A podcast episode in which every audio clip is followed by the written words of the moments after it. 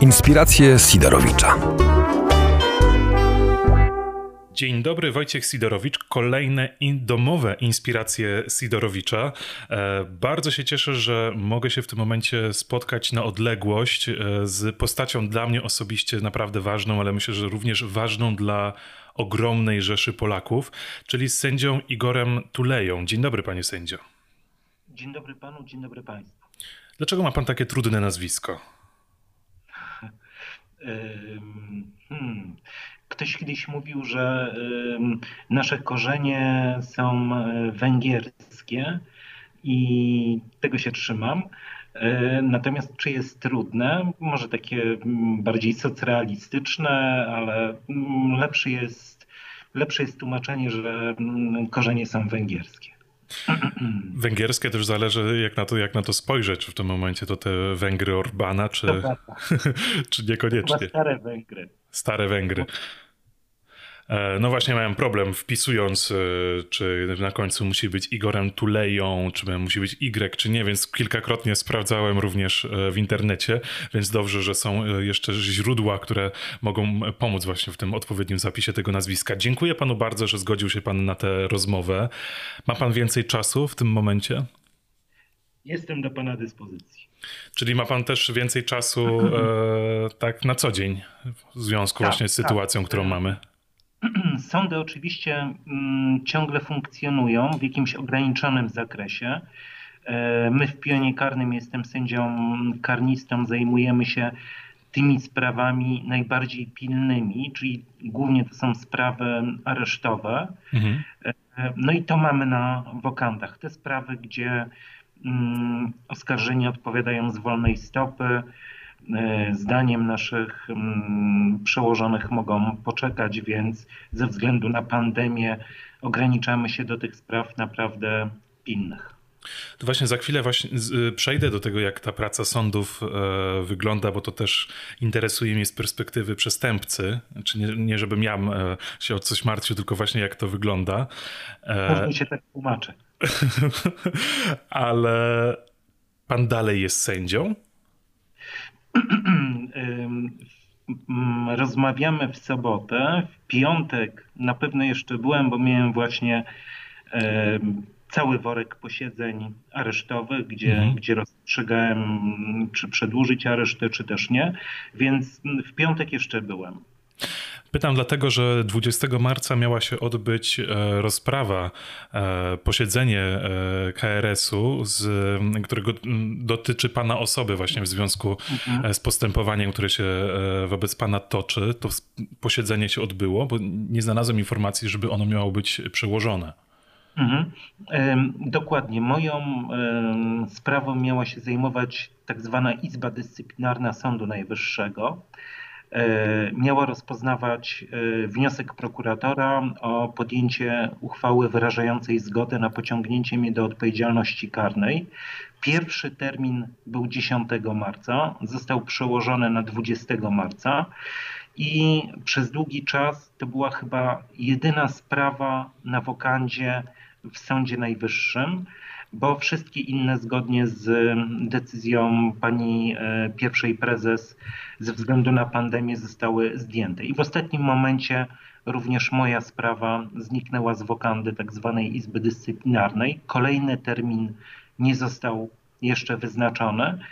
E, no ale rzeczywiście mm, Izba Dyscyplinarna e, albo wyrazi zgodę na uchylenie mojego immunitetu, zgodnie z wnioskiem prokuratury mm, albo nie wyrazi. Powiem szczerze, że y, decyzja tak zwanej Izby Dyscyplinarnej średnio mnie obchodzi, bo mm, nie uważam, żeby to był niezależny sąd i osoby, które tam zasiadają, e, w mojej ocenie nie mogą być traktowane jako niezawiśli sędziowie. Ale pana może to nie obchodzić, ale jednak jeżeli oni coś ustalą, to pan rzeczywiście do tej odpowiedzialności karnej może być później pociągnięty. Jak najbardziej.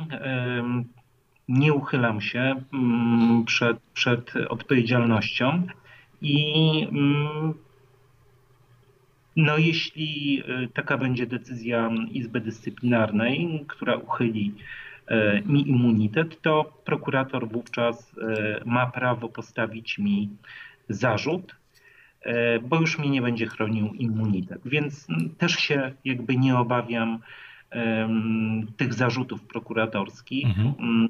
Sumienie mam czyste, natomiast sam zarzut uważam jest E, absurdalne. Przypomnijmy właśnie o co chodzi, bo chodzi o mm, głośną sprawę, którą ja również e, obserwowałem. W sumie już prawie trzy lata chyba mijają jeżeli nie mhm. więcej, jak dobrze kojarzę, od tego e, nadzwyczajnego posiedzenia Sejmu, które odbywało się e, w sali kolumnowej, czyli nie na sali obrad, tylko w sali kolumnowej.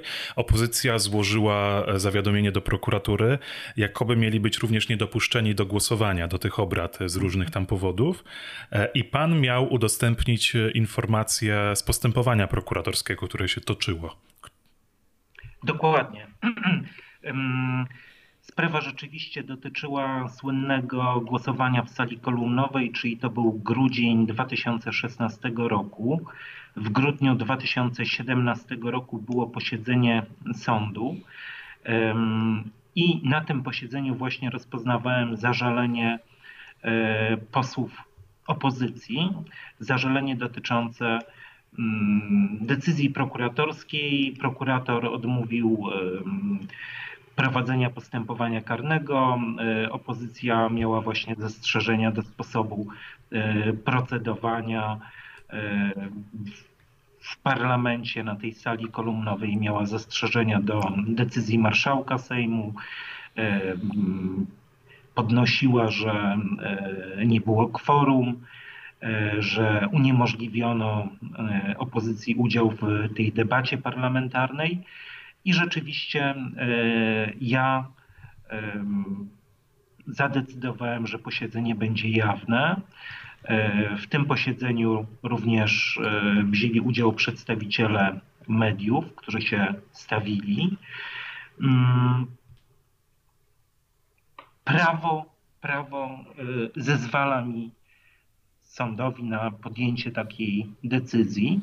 Mm, także sąd mógł zadecydować, że to posiedzenie będzie jawne i sąd również mógł dopuścić przedstawicieli mediów do, do udziału w tym posiedzeniu. To się jakby wszystko działo w sposób transparentny i, i strony również strony, czyli prokurator, mm, pełnomocnicy skarżących mogli zająć stanowisko, czy mają jakieś zastrzeżenia do tego, żeby posiedzenie odbywało się w trybie jawnym. Prokurator, który był na sali, e, nie oponował. Co ciekawe, to był prokurator, który prowadził to postępowanie przygotowawcze, więc mm, jakby mm, orientował się, jakie e, tematy będą poruszane na tym posiedzeniu. E, nie miał nic przeciwko temu, więc moim zdaniem, w mojej ocenie, wszystko odbywało się lega artis. Wolałby pan, żeby to posiedzenie KRS-u w pana sprawie e, już się odbyło, bo ono było przekładane? Chciałby pan mieć to już za sobą, czy jednak cieszy się pan, że ta sytuacja z koronawirusem dała trochę czasu więcej? Mm, posiedzenie Izby Dyscyplinarnej. Mhm, tak, posiedzenie Izby mhm. Dyscyplinarnej. E, powiem szczerze, że no byłem przygotowany na, na termin 20 marca. Też oczywiście chciałem się udać pod Sąd Najwyższy, żeby pokazać, że nie unikam tej odpowiedzialności. Natomiast oczywiście nie miałem zamiaru uczestniczyć w tym posiedzeniu, no bo jakby mój udział w posiedzeniu tak zwanej Izby Dyscyplinarnej e, w jakimś sensie legitymizowałby ten organ, który, to znaczy organ, legitymizowałby tę tak zwaną Izbę Dyscyplinarną, która właśnie nie jest sądem, nie jest żadnym organem. Natomiast pod sam budynek Sądu Najwyższego jak najbardziej na dziewiątą miałem zamiar e, stawić. Ale czy właśnie pan e, chciałby, żeby to już było za panem, to posiedzenie, czy też nie robi to większej różnicy? Bo jednak e, był pan przygotowany na 10 marca, później 20, teraz już mamy 4 kwietnia. Myślę, że, że byłoby fajnie, gdyby to posiedzenie już się odbyło, no zwłaszcza w takich e, przygnębiających e, czasach pandemii. Mhm. Myślę, że gdyby coś się zadziało, byłoby to interesujące, można by było krzyknąć ahoj przygodo, coś by się działo, natomiast takie odroczenie tego posiedzenia bez kolejnego terminu, no to po prostu nudy i dłużyzny. Także można powiedzieć, że szkoda. Ahoj przygoda, to warto tutaj powtórzyć. E, zostając jeszcze właśnie przy tym, przy tym temacie, trzy lata. Trzy lata panu, e, panu grożą, tak można powiedzieć. Grożą za. E, proszę mnie poprawić, jeżeli też bym coś e, nieodpowiednio prawniczo powiedział. E, grożą za właśnie za postawione panu zarzuty. E, Wyobraża sobie pan właśnie taki scenariusz, że trafia pan do więzienia? Nie, to już zostawmy jakby, zostawmy tą drogę, jaka do tego prowadzi, ale czy pan sobie wyobraża tak po ludzku e, scenariusz, że trafia pan do więzienia wśród przestępców, których pan sądził tak naprawdę? Czy pan w jakiś sposób się boi tego? Mm, rzeczywiście póki co yy, yy, za to przestępstwo ujawnienia, między innymi ujawnienia, rzekomego ujawnienia informacji z postępowania przygotowawczego, nadużycia uprawnień, bo to jest cała, cała zbitka artykułów mhm. w tym zarzucie stawianym przez prokuraturę. Rzeczywiście za to grozi kara 3 do 3 lat pozbawienia wolności na dzień dzisiejszy, aczkolwiek mm, to prawo zawsze w ostatnich pięciu latach zmieniało się dosyć dynamicznie, a w tych ostatnich dniach to e, rzeczywiście zmienia się z prędkością odrzutowca, więc niewykluczone, że już e, jakaś surowsza kara za to grozi. Czy sobie wyobrażam? No, wyobrażam sobie.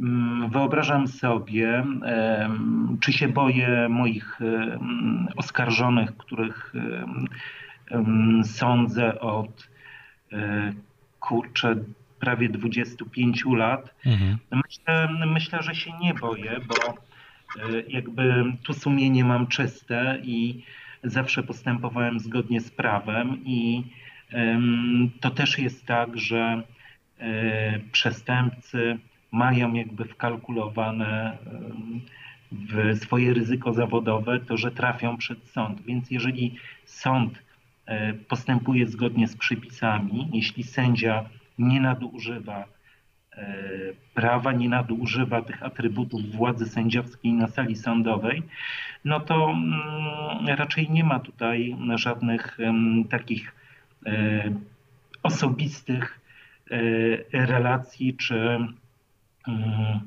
czy takich emocji e, zemsty. Nie przypuszczam. Natomiast no, więzienia są, są dla ludzi. E, też prokuratorzy, zwłaszcza w dzisiejszych czasach, choćby w piątek na tych posiedzeniach aresztowych, to były rozpoznawane wnioski prokuratora o przedłużenie aresztu i prokurator nawet Zabrzmiało to dosyć humorystycznie. Twierdził, że w tych więzieniach w dzisiejszych czasach jest bezpieczniej, ponieważ zaraza szaleje poza murami zakładów karnych, a nie w samych jednostkach penitencjarnych. Czy tak jest rzeczywiście, tego nie wiem. Natomiast niewątpliwie odkąd pan doktor Jaki przestał nadzorować więzienia, mam wrażenie, że rzeczywiście jest w nich e, dużo bezpieczniej. Kurczę, no, więzienia są dla ludzi. Czyli jakoś nie przejmuje się pan chyba tą perspektywą. No, Chociaż nie wiem, czy w ogóle pan dopuszcza do siebie to, że, że to taki scenariusz mógłby się e, ziścić. Jasne, no, w dzisiejszych czasach wszystko jest możliwe. Jak w 2015 roku sędziowie ze stowarzyszeń sędziowskich Justitia Temis czy prokuratorzy z Lex Super Omnia e, stanęli do tej walki o niezależność sądów, o niezawisłość sędziowską, o niezależność prokuratury, no to mieliśmy jakby wkalkulowane, że spotkają nas jakieś represje. Od samego początku też mieliśmy świadomość, że to mogą być nie tylko e, szykany dyscyplinarne, ale też to się może skończyć jakimiś wydumanymi zarzutami karnymi. No i rzeczywiście czas pokazał, że, że to nie była jakaś histeria z naszej strony, tylko rzeczywiście mm, no takie jest życie po prostu. Takie jest życie. Pan również składał zapytanie do Trybunału, do TSUE, do Trybunału Unii Europejskiej Proszę powiedzieć właśnie, do czego dotyczyło to zapytanie, bo otrzymaliśmy odpowiedź chyba niezbyt pana satysfakcjonującą, tak myślę, bo chyba CUE nie odpowiedziało panu na pytania. Tak jest. Moje pytanie dotyczyło e, systemu dyscyplinarnego, e, a raczej zmian, które, które pojawiły się w postępowaniu dyscyplinarnym dotyczącym sędziów, zmian wprowadzonych przez e, polityków partii rządzącej. Głównie moje zastrzeżenia i pytania dotyczyły, czy w, tych, w tym pytaniu wskazywałem na to, że tak naprawdę cały system dyscyplinarny sędziów został podporządkowany politykom, bo istotną rolę w tym postępowaniu dyscyplinarnym odgrywa minister sprawiedliwości, mhm.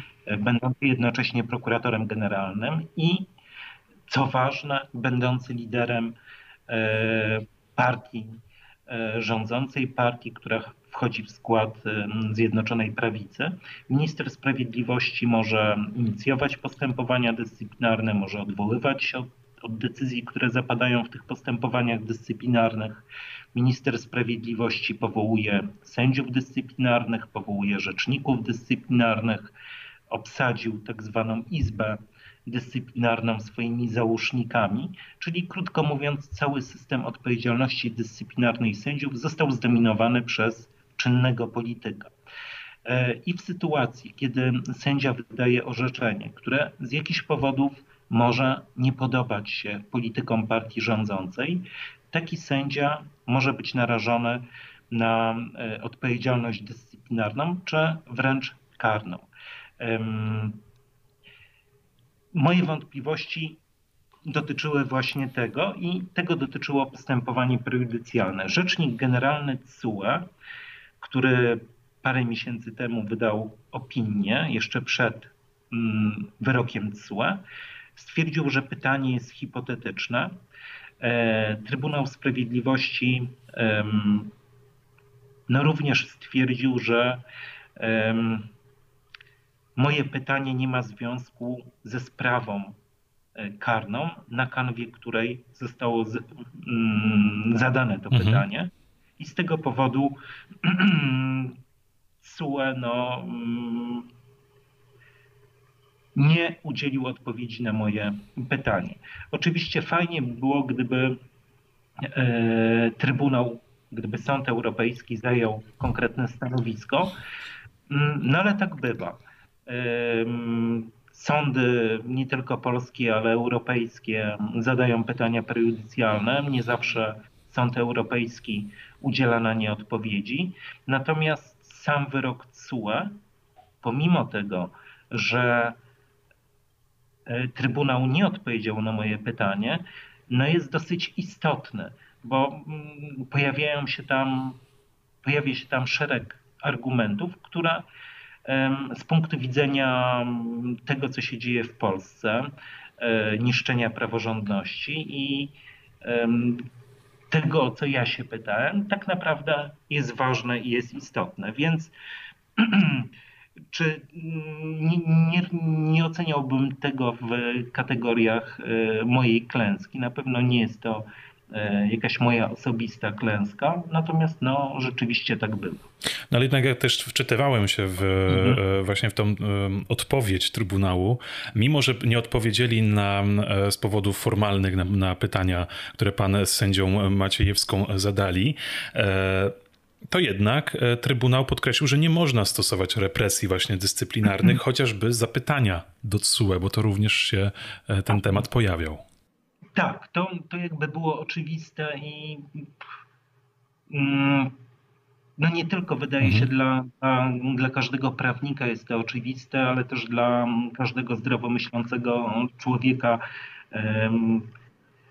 to powinno być oczywiste, że mm, pytania prejudycjalne są instrumentem, z którego sądy e, Unii Europejskiej mogą jak najbardziej korzystać i sędziów, którzy zadają takie pytania, nie mogą spotykać e, jakiekolwiek represje. więc rzeczywiście CUE to raz jeszcze podkreślił. Ale co jeszcze pojawia się w tym wyroku? Że mm, po pierwsze, oczywiście, że rozstrzygnięcia Trybunału Sprawiedliwości Unii Europejskiej są wiążące dla, dla wszystkich krajów członkowskich od momentu ich wydania. Co istotne, że CUE jest władny badać przepisy krajowe regulujące ustrój sądów oraz ustanawiające środki dyscyplinarne wobec sędziów. Mhm. CUE przyznał, że oczywiście przepisy takie należą do kompetencji państw członkowskich, ale mieszczą się w zakresie stosowania prawa Unii mhm. i dlatego CUE może je e, oceniać. A moje pytanie dotyczyło właśnie postępowania dyscyplinarnego Krajowej Rady Sądownictwa, Izby Dyscyplinarnej. E, też już z mojego punktu widzenia CUE stwierdził, że pytanie było niezasadne, ale uznał, że jak najbardziej spełniało wymogi przewidziane w regulaminie postępowania przed Trybunałem Europejskim. I to pytanie było na tyle istotne, że po pierwsze odpowiadało na to pytanie, czy oceniało je 15 e, sędziów, czyli Wielka Izba CUE i też prezes CUE nadał mm, tryb, że zostało rozpoznane w pierwszej kolejności. Więc nie było jakieś e, to pytanie mm, oderwane od rzeczywistości, czy, czy miało jakieś wady formalne. CUE po prostu stwierdził, że, że pytanie było, miało charakter generalny mhm. i z tego powodu od, y, odpowiedzenie na to pytanie prejudycjalne było niezasadne. Mm, no ale co istotne, Trybunał stwierdził, że e, jak najbardziej może zajmować się tymi przepisami dotyczącymi E, kształt wymiaru sprawiedliwości w państwach Unii Europejskiej, może zajmować się pytaniami, może zajmować się e, również przepisami regulującymi postępowanie e, dyscyplinarne. I co istotne, Trybunał jakby stwierdził, że mo, moje pytanie mhm. prejudycjalne powinno być zadane w trochę innym trybie i przez inny organ, że bardziej przez Komisję Europejską. I rzeczywiście, co warto podkreślić, po moim pytaniu prejudycjalnym, które zadałem chyba we wrześniu 2018 roku, Komisja Europejska e, wszczęła postępowanie dokładnie o to samo i lada moment zapewne CUE rozstrzygnie odpowiadając na mm, zastrzeżenia Komisji Europejskiej, które de facto dotyczą e, zastrzeżeń, które mhm. ja poruszyłem w pytaniu peryudycjalnym. Rozumiem, że to jest e, trochę przynudzałem, ale próbowałem jakby. Nie, ale bardzo dobrze przy... wytłumaczył pan tak, jak to rzeczywiście wygląda.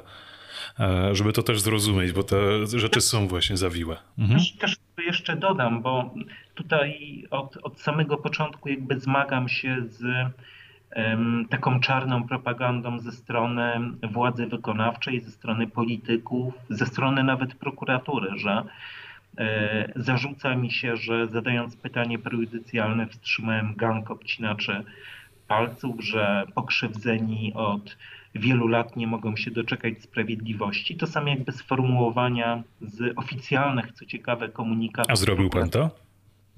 E, więc to wszystko jest kłamstwem. Mhm. Ja usiłuję to za każdym razem prostować, bo sprawa rzeczywiście dotyczy trzech oskarżonych. Jest to fragment większej sprawy. Natomiast e, czy to są groźni przestępcy? E, proszę sobie wyobrazić, że w postępowaniu przygotowawczym, czyli tym postępowaniu prokuratorskim wobec tych oskarżonych nie stosowano nie tylko E, aresztu tymczasowego, który w dzisiejszych czasach tak naprawdę jest stosowany nawet w bardzo błahych sprawach, ale wobec tych osób nie stosowano nawet wolnościowych środków zapobiegawczych, czyli dozoru czy poręczenia majątkowego, więc to już świadczy jakby jakiego kalibru to są mhm. przestępstwa. którzy odpowiadali z wolnej stopy, a po drugie, nie jest prawdą, że pokrzywdzeni z niecierpliwością czekają na rozstrzygnięcie. W tej sprawie prokurator wskazał trzech pokrzywdzonych. I tak, jeden pokrzywdzony zaprzecza, aby takie zdarzenia miały miejsce. Mhm. Drugi pokrzywdzony twierdzi, że nie pamięta w ogóle takich zdarzeń, a trzeci pokrzywdzony do dzisiaj nie został ustalony. Występuje jako NN w akcie oskarżenia, więc to jest kłamstwo, że ci pokrzywdzeni dobijają się o, od wielu lat o e, rozstrzygnięcie sądu, bo sytuacja wygląda tak, jak mówię. Także to jest mhm. czarny PR e, polityków. No bardzo przykro, jeżeli tak jest, bardzo przykro, że tak się to odbywa. Panie sędzio, Chciałbym przejść do tematu, który teraz nas zajmuje wszystkich, e, chociaż być może nie powinien, ale jednak zajmuje, czyli wybory prezydenckie. Według Pana najlepszy scenariusz teraz wyborów prezydenckich to jaki byłby? No oczywiście powinien być przesunięty tych ter, termin wyborów prezydenckich. Wszystkie nasze siły, e, cały kraj jest skoncentrowany na, na walce z, z epidemią. Kandydaci w tych wyborach zawiesili, zawiesili swoją działalność. Tak naprawdę jedna osoba w tych trudnych czasach lansuje się. Natomiast sam udział w tych wyborach w jakiejkolwiek formie miałoby się odbyć, stanowi zagrożenie, czy to dla, dla osób, które będą oddawały głos, czy dla osób, które będą przeprowadzały te wybory, więc niewątpliwie termin wyborów powinien być przesunięty na czasy, kiedy, kiedy będziemy wszyscy mieli nie tylko głowę do tego, żeby e, rozstrzygać, kto ma być prezydentem naszego kraju, ale też na okres, kiedy będziemy mogli bezpiecznie o tym zadecydować. Tak mi się wydaje. Tak naprawdę y, potrzebna jest ciągłość władzy w tym momencie, żebyśmy mogli rzeczywiście skutecznie, tak logicznie patrząc, skutecznie mhm. e, radzić sobie właśnie raz z tą pandemią, dwa z jej skutkami, które niewątpliwie nastaną w najbliższym czasie. A to propozycja Jarosława Gowina, żeby przełożyć wybory na kolejne dwa lata i do tego czasu przedłużyć kadencję e, prezydenta Andrzeja Dudy. Według pana to jest dobry scenariusz? No, konstytucja wyraźnie mówi, ile trwa kadencja prezydenta. Mhm. Przekładanie, e, przedłużanie kadencji czy tworzenie, przyjmowanie, że kadencja prezydenta trwa 7 lat, to jakiś mm, absurd. Wystarczy po prostu. Jednorazowo. Tak, no jednorazowo, ale y, boję się, że, że y, precedens z y, naruszaniem zapisów konstytucji może w dzisiejszych czasach i przy takich rządzących przerodzić się w zwyczaj. Już ostatnich pięć lat pokazało, że mm, e, niektórzy nie mają oporów, żeby łamać konstytucję, mhm. więc jeszcze mm, łamanie kolejnego e, przepisu dotyczącego kadencji prezydenckiej myślę, że nie jest dobrym pomysłem. Wystarczy po prostu przesunięcie wyborów o kilka miesięcy, e, no bo wszyscy wierzymy w to i tak będzie. Jestem przekonany, że ten straszny czas prędzej czy później e, skończy się. Jeżeli wybory odbyłyby się rzeczywiście 10 maja, pan pójdzie zagłosować? Nie, ponieważ e, moim zdaniem to nie będzie uczciwe. Tak naprawdę będzie można oddać głos na, na jednego kandydata, który E, pomimo tego nadzwyczajnego czasu, e, który teraz mamy, prowadzi kampanię e, wyborczą I tak naprawdę podejrzewam większość wyborców w tej sytuacji, większość osób uprawnionych nie odda swojego głosu, bo, bo nie będą ryzykowali dla widzimy się polityków swojego zdrowia, życia i, i zdrowia swoich bliskich. Także nie oddam. Czyli wybory powinny być przesunięte. E, chociaż ja takiego już też piękny mem zobaczyłem. Nie wiem, czy pan ogląda memy e, w internecie. Na swój temat. Na swój temat. Jest pan, tak. ale jest pan bohaterem wielu. Dziękuję. Myślę, że bohater to eufemizm. Tak, jestem postacią e, wielu memów. E, I to właśnie, wracając do tego mema, którego zauważyłem, że tam było tak pięknie napisane, że znamy już wyniki wyborów, ale na spokojnie ogłosimy je 10 maja. No i chyba właśnie to pokazuje tą sytuację, którą mamy w Dobrze, tym momencie. Tak. Czy e, pan jest twarzą wielu, wielu działań właśnie związanych z walką o praworządność w Polsce. Tutaj tą, tą też jak się myśli o, o, o sędziach, to jest tam o sądach, o sędziach, to jest pan właśnie jedną z tych osób, które są e, twarzą tego, e, tych wszystkich działań. Teraz niespodziewanie wkroczyliśmy właśnie w ten trudny czas pandemii, ale tak naprawdę um, pandemia nie anulowała tych rzeczy, które się odbywały wcześniej, czyli walki o te wolne sądy, walki o, um, o niezawisłość sędziów e, i tak dalej. Pytanie jest takie, czy według Pana koronawirus w tym momencie um, umniejsza wagę tych wszystkich spraw? Czy my będziemy w stanie wrócić, bo wrócić do porządku dziennego walki właśnie o tą praworządność, czy ona jeszcze bardziej ucierpi e, po tym, jak my, nie wiem kiedy, ale wrócimy do normalności?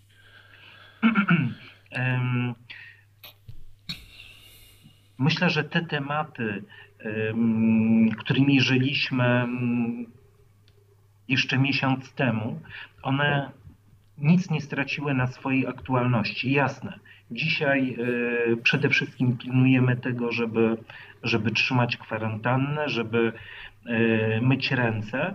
Natomiast mm, wydaje się, że, że zwłaszcza mm, dzisiaj, kiedy te prawa obywatelskie e, są ograniczane i my na czas w tym nadzwyczajnym stanie, faktycznie nadzwyczajnym stanie, zgadzamy się na to, żeby część naszych praw obywatelskich była ograniczona, że tak naprawdę godzimy się e, z izolacją, mhm. E, godzimy się z ograniczeniem naszych, naszej aktywności. Czyli jakby rezygnujemy dobrowolnie z części naszych praw obywatelskich, no to wydaje mi się, że i straciłem wątek, że, mhm. że, że godząc się na takie ograniczenia, jednak mm, musimy mieć świadomość, że e, jednak niezależne sądy, e, nawet w takich trudnych czasach, mm, są potrzebne i, i będą potrzebne. Żeby... Ale pan to wie, przepraszam, że wejdę słowo, ale pan mhm. to wie. Ja na przykład też to wiem, bo tym się interesuję, mhm. ale biorąc pod uwagę mieszkańców, którzy e, nie obracają się w temacie do mhm. końca na co dzień, oni tylko to słyszą z mediów, to czy jednak e, dla nich ten temat nie zniknie w tym czasie? Czy on się nie rozpłynie, nie rozmyje w czasie tej, tej pandemii? Um, oczywiście, to nie, to nie będzie temat pierwszoplanowy i to nie jest temat pierwszoplanowy, bo przede wszystkim um, chronimy takie wartości dzisiaj jak zdrowie i życie. E, natomiast te prawa obywatelskie są e, trochę odsunięte. Natomiast myślę, że, że te niezależne sądy będą zawsze ważne, że jeśli jakaś władza dzisiaj nas ukara, ukaże e, mandatem, jeśli ktoś nałoży jakiś organ na nas jakąś karę, no to mm, nawet dzisiaj odwołanie się do niezależnego sądu e, wydaje się dosyć ważne, żeby były te niezależne sądy, które mogą zawsze zbadać i ocenić, czy jakaś decyzja władzy administracyjnej mhm. była zasadna, czy też nie. Czyli po prostu to jest taki temat, o którym ciężko zapomnieć i on zawsze będzie ważny i będziemy po, prostu do niego wracali. Wydaje mi się, że tak, bo mhm.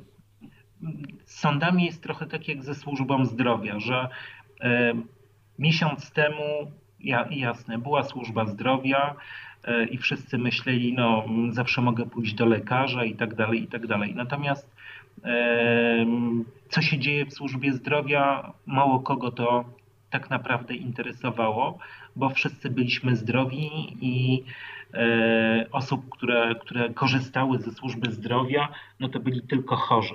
Natomiast e, zagrożenie, z którym walczymy dzisiaj, pokazało, że e, ta służba zdrowia jest jednak czymś bardzo istotnym i dzisiaj przekonujemy się o tym, jak ważną rolę odgrywają przedstawiciele zawodów, zawodów e, medycznych w naszym życiu i ile od nich zależy. Ja myślę, że też e, przyjdzie taki moment, że, że znowu e, zrozumiemy, że ci niezawiśli sędziowie, niezależni prokuratorzy też są czymś ważnym w życiu zwykłego Kowalskiego. Tak jak zwykły Kowalski się mhm. dzisiaj przekonuje, ile zależy od E, pielęgniarki, ratownika, lekarza, e, pomimo tego, że jest zdrowy, no ale dzisiaj widzi, że zależy mnóstwo. E, jestem przekonany, że, że za jakiś czas też mm, ludzie będą mieli, obywatele będą, będą mieli okazję przekonać się, że ci niezawiśli sędziowie i niezależni prokuratorzy też są potrzebni. Ostatnie pytanie podsumowujące tą trudniejszą, taką bieżącą część e, e, rozmowy. Czy jeżeli te wybory odbędą się 10 maja, to my jako obywatele mamy jakiekolwiek narzędzie, żeby się temu przeciwstawić? Oprócz tego, że nie, na przykład nie pójdziemy do tych wyborów. Wiadomo, jeżeli coś się dzieje nie tak, my mamy możliwość wyjścia na ulicę, ale w tym momencie protest żaden nie ma prawa, prawa bytu po prostu. Czy my jakoś możemy się przeciwstawić temu, wyrazić swój sprzeciw? Inaczej niż nie idąc po prostu do tych wyborów. um, um, tak naprawdę nie idąc do wyborów pokazujemy, że,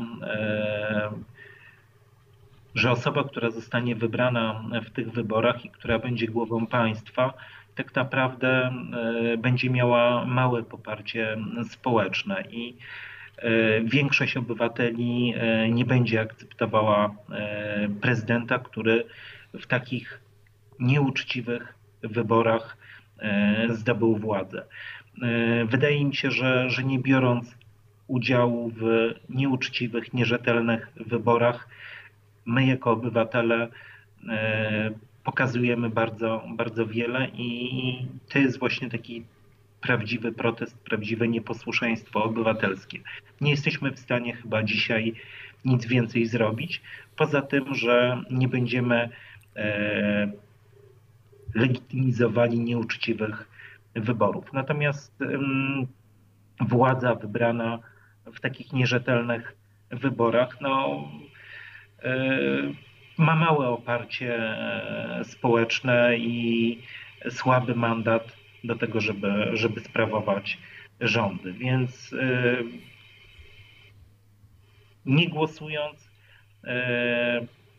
też pokazujemy, że w sposób świadomy korzystamy z naszych praw obywatelskich. Przejdźmy do, w takim razie do tej kolejnej części troszeczkę myślę, że będzie luźniejsza, bo zacznę od pytania, właśnie moja mama mnie poprosiła, żebym pana zapytał, że zawsze ma pan e, w pełni zadbaną fryzurę, tak mówi moja mama. I co pan teraz robi z braku fryzjera? Jak pan sobie z tym radzi? E, no tak. E, umówiłem się na strzyżenie. Byłem, byłem umówiony z moją panią fryzjerką, ale akurat E, wszystkie zakłady e, zostały zamknięte. No nic, e, mogę poprosić jakąś przyjaciółkę, żeby mi przestrzygła głowę. Jeśli Ale z dwóch metrów. No właśnie, z dwóch metrów. Jeśli się zgodzi, to, to będę uratowany, a jeśli nie, e, no to cóż, będę wyglądał jak, jak dzikus. Ja tak specjalnie teraz kamerkę ułożyłem, żeby pan widział mnie od brwi w dół, żeby nie pokazywać e, już tego buszu, który tutaj e, też się powoduje. Panie sędzio, dlaczego akurat e, wybrał pan zawód sędziego?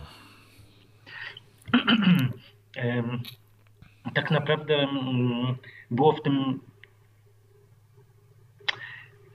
w moim życiu było sporo przypadków, bo mm, w czasach y, w szkole średniej chodziłem do klasy humanistycznej, więc wiadomo było, że nie mogę studiować, a raczej nie uda mi się studiować medycyny czy czy czegoś na Politechnice, więc musiałem iść na jakiś kierunek humanistyczny. To były jeszcze, jeszcze te czasy, kiedy służba wojskowa była obowiązkowa, a wszyscy bali się wojska, a na prawo było sporo miejsc. Więc poszedłem na prawo, licząc na to, że e, albo się przeniosę po pierwszym roku, albo uda mi się połączyć prawo z jakimś e, kierunkiem humanistycznym, który będzie mi interesował. No ale oczywiście jak wsiąkłem w życie studenckie, to e, ta nauka była mm, na trochę mm, innym miejscu. Planie, właśnie innym miejscu. E, natomiast już e, studiując prawo i odbywając praktyki w sądzie, mm, zrozumiałem, że jeśli mam być prawnikiem, praktykiem, no to tylko ten zawód sędziego najbardziej mi odpowiada.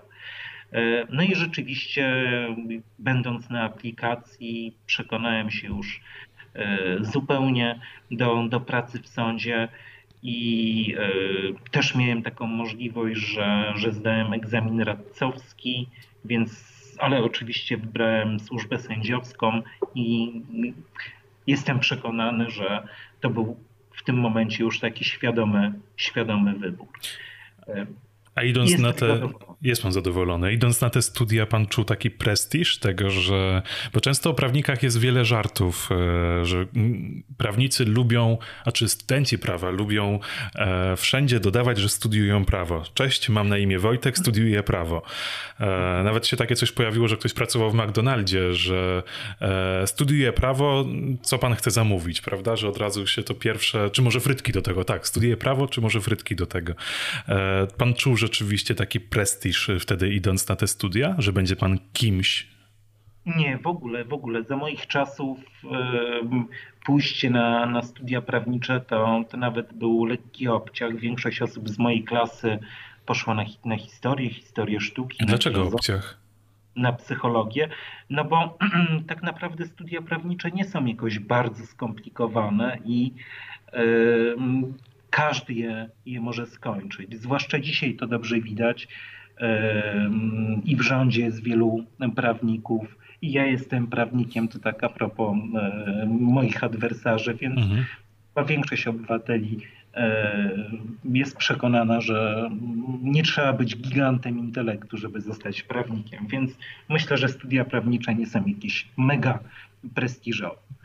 Poważnie pan mówi, że nie trzeba być gigantem intelektu, jednak jak ja pamiętam znajomych, którzy studiowali prawo lub studiują prawo, to jednak e, ilość materiału, te logiczne przedmioty, e, logika dla prawników, coś takiego e, teraz jest. Nie wiem, czy pan też takie coś miał wcześniej. To jednak mnie, dla mnie, mnie się wydaje, że ja bym osobiście nie podołał. To w takim razie, jaki ja muszę mieć intelekt?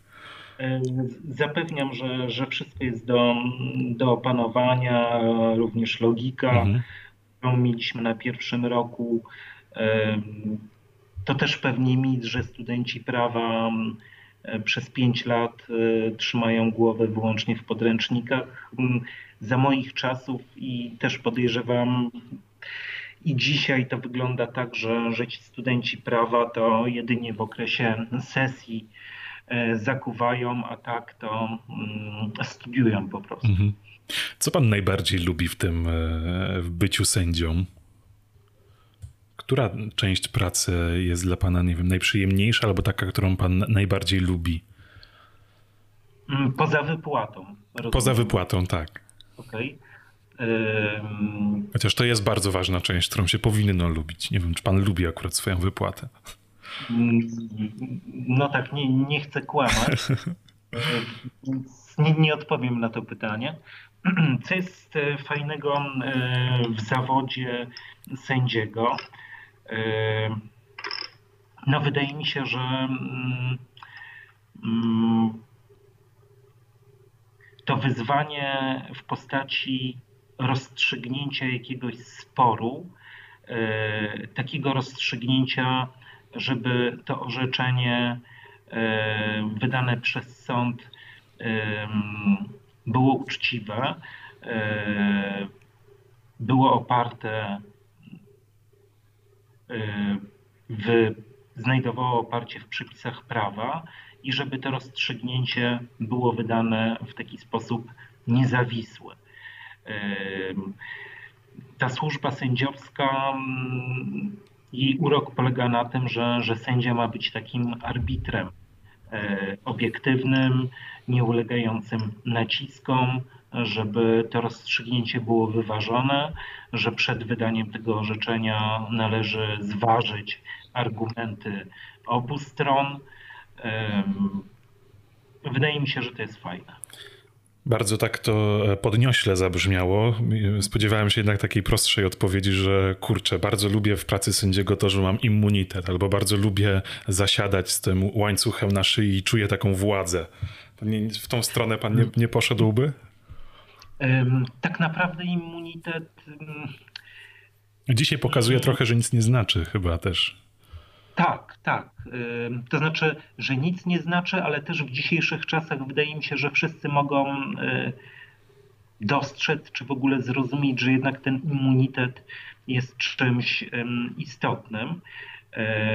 Ja, ja osobiście uważałem, że immunitet nie jest sędziemu e, do mhm. niczego potrzebny i tak jak mówiłem, nie, nie unikam odpowiedzialności. E, I też był pomysł, miałem pomysł, żebym zrzekł się sam immunitetu, natomiast ktoś stwierdził, że immunitet to nie jest moja prywatna sprawa, tylko immunitet to jest coś, co tak naprawdę należy do wszystkich obywateli, że to nie jest moja własność, że ten immunitet sędziowski, co widać mhm. dziś i widać na moim przykładzie, jest taką tarczą, która ma chronić e, niezależną, obiektywną e, decyzję sądu, że obywatel idąc do sądu e, musi być przekonany, że, że jego sprawę rozstrzygnie sędzia niezawisły, który się nie będzie niczego bał i nie będzie ulegał żadnym naciskom. Także ten immunitet nigdy mnie jakoś bardzo e, nie rajcował. Natomiast rzeczywiście w tym, co pan powiedział, czyli w tej todze, zwłaszcza w tym łańcuchu sędziowskim, jest magia to założenie łańcucha sędziowskiego, mhm. czyli odgłos, ten ciężar e, tego orła, no to jest niesamowite uczucie. Jak e, rano sędziowie e, wychodzą na salę, to słychać na korytarzu, jak się stoi przy pokojach sędziowskich, odgłos właśnie łańcuchów sędziowskich, jak sędziowie wyjmują z szuflad ten atrybut władzy sędziowskiej. Rzeczywiście to jest takie magiczne, mistyczne uczucie. Także polecam wszystkim obywatelom, żeby kiedyś stanęli w korytarzu gdzieś tam w sądzie mhm. przy pokojach sędziowskich i, i usłyszą ten magiczny odgłos. To odwracając pytanie w takim razie, czego pan najbardziej nie lubi w tym zawodzie? Hmm. Hmm. Bo jak wygląda służba sędziowska? Ta sala sędziowska z którą e, pewnie wszyscy kojarzą obywateli, e, wszyscy kojarzą sędziów, no to jest tak naprawdę pewnie 30, może 20% naszej pracy. Większość naszej roboty to jest po prostu przewalanie papierów, czytanie akt, pisanie e, orzeczeń, uzasadnień. I tak naprawdę sędziowie nie lubią pisania uzasadnień. W ostatnim czasie mm, sposób, e, sposób pisania uzasadnień został mhm. uproszczony. Wprowadzono specjalne formularze. E, jest to oczywiście ułatwienie mm, dla, dla sędziów, ale czy te formularze są ułatwieniem dla obywateli, mam wątpliwości, bo one są mało przejrzyste. Rzeczywiście napisanie uzasadnienia dzisiaj trwa dużo krócej niż kiedyś. Kiedyś pisało się uzasadnienia nawet miesiącami. Niektóre uzasadnienia liczyły przeszło tysiąc stron maszynopisów. Dzisiaj można takie uzasadnienie zmieścić w mm, kilku ramkach formularza, ale czy to jest przejrzyste e, i czy to, czy to mm, pomaga obywatelom, żeby zrozumieć rozstrzygnięcie sądu, mam wątpliwości. Pan chyba nawet był, znaczy nie chyba, tylko na pewno, bo nawet e, otrzymał pan między innymi za to nagrodę imienia adwokata Edwarda e, Wendego. E, właśnie między innymi za, takie, za taką przejrzystość pisania tych orzeczeń, za odpowiednie uzasadnianie swojej, swojej, swoich decyzji. Między innymi oczywiście rzeczywiście otrzymałem e, bardzo prestiżową nagrodę e, imienia e, pana mecenasa Edwarda Wendego. Wielki zaszczyt.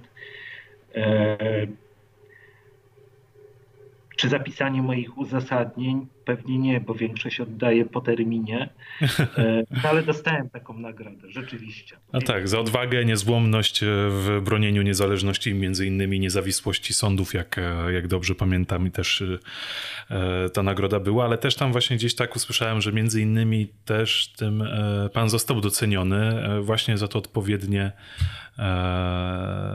proste, takie przejrzyste właśnie uzasadnianie laudacji, która była mhm. wygłaszana, e, wypowiadał się na, na, mój temat e, pan profesor Zajadło. E, rzeczywiście użył takiego sformułowania, że mówcą jestem żałosnym, natomiast dużo lepiej piszę. No, co było wielkim komplementem, bo rzeczywiście gadam jak gadam i nigdy tutaj nie miałem ambicji, żeby być retorem czy trybunem mhm. ludowym. Natomiast jeśli pan profesor Zajadło stwierdził, że to, co, się, to, co pisze, e, jest jakoś sensowne, no to jest to rzeczywiście wielki zaszczyt. To a propos, jak pan mówi o tym pisaniu, że może nie, nie mówić pan nie do końca e, e, sobie z tym radzi, to jest może jedna rzecz, ale druga, że potrafi pan pisać. Zadałem pytanie na Instagramie swoim dzisiaj, e, o co właśnie moi, moi obserwujący by zapytali pana sędziego. No i a propos tego pisania, pojawiło się pytanie, dlaczego wygląda pan jak młody Stephen King? No, a on, jak wiadomo, pisać pisze nieźle. Myślę, to znaczy żałuję, ale nie mam tak lekkiego e, pióra i nie jestem tak płodny e, jak King. Myślę, że e, zadający pytanie bardziej doszukiwał się tutaj mm, jakiegoś pomostu czy jakiegoś łącznika między moją fizjonomią a wyglądem niektórych bohaterów tego pisarza. Znaczy, tutaj nawet dostałem wtedy zdjęcie właśnie, jakieś jedno ze zdjęć, że mhm. e, to nie wiem, to może pan sobie wygooglać Stefana Kinga e, i rzeczywiście jakieś takie podobieństwo e, między panami w wyglądzie młodego Stefana Kinga jest, więc to może e, tak się to połączyło, że jeden będzie pisał dużo książek, a drugi będzie pisał dużo orzeczeń, bo tych orzeczeń dla sędziów jest e, horrendalnie dużo w sądzie rejonowym 3000 spraw. Tak, tak. Sędziowie rzeczywiście wydają mnóstwo orzeczeń. Jakby w,